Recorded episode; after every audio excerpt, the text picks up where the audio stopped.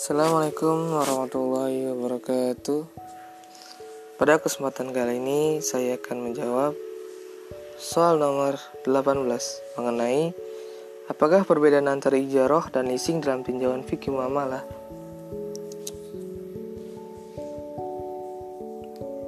Dalam landasan hukumnya kita bisa lihat ijaroh itu disebutkan dalam fatwa DSM DSN MUI nomor 9 garis miring 6 garis miring 2000 tentang pembiayaan ijaroh menjelaskan bahwa objek ijaroh adalah manfaat dari penggunaan barang atau jasa serta kewajiban LKS dalam akad ijaroh yaitu menyediakan barang yang disewakan atau jasa yang diberikan. Sedangkan dalam fatwa DSN MUI nomor 44 garis miring 8 2004 tentang pembiayaan multi jasa menjelaskan bahwa dalam hal LKS menggunakan akad ijaroh maka harus mengikuti semua ketentuan yang ada dalam fatwa ijaroh. Dalam fatwa DSN MUI nomor 44 garis miring, garis miring 8 2004 tentang pembiayaan multijasa dijelaskan bahwa besaran ujroh atau fee harus disepakati di awal.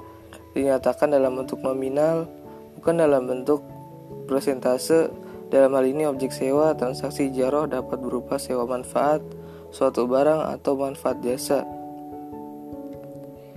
BMT menyediakan tiga produk pembiayaan multijasa akad ijaroh yaitu pembelian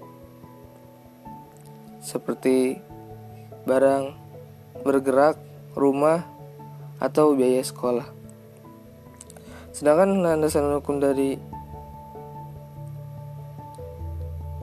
leasing ialah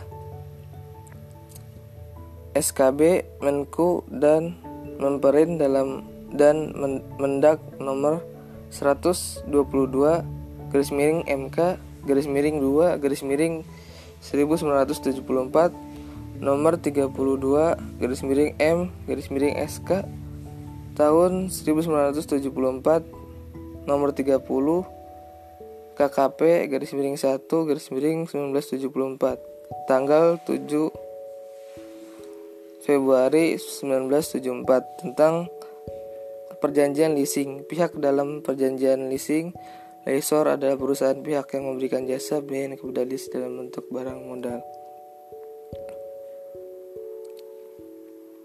Perbedaannya adalah dalam leasing, perjanjian leasing tidak dapat dibatalkan atau dikenakan denda jika tidak melanjutkan.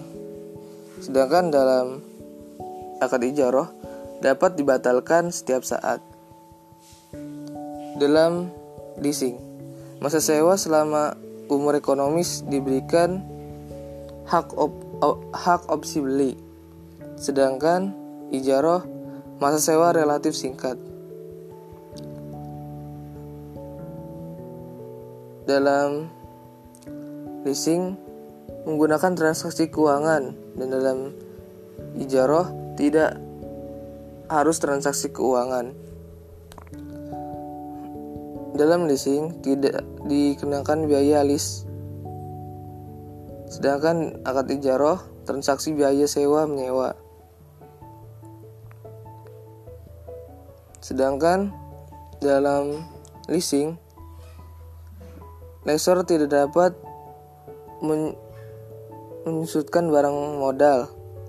Sedangkan dalam akad ijaroh, lesor dapat menyusutkan barang dan modal. Ya, mungkin cukup sekian.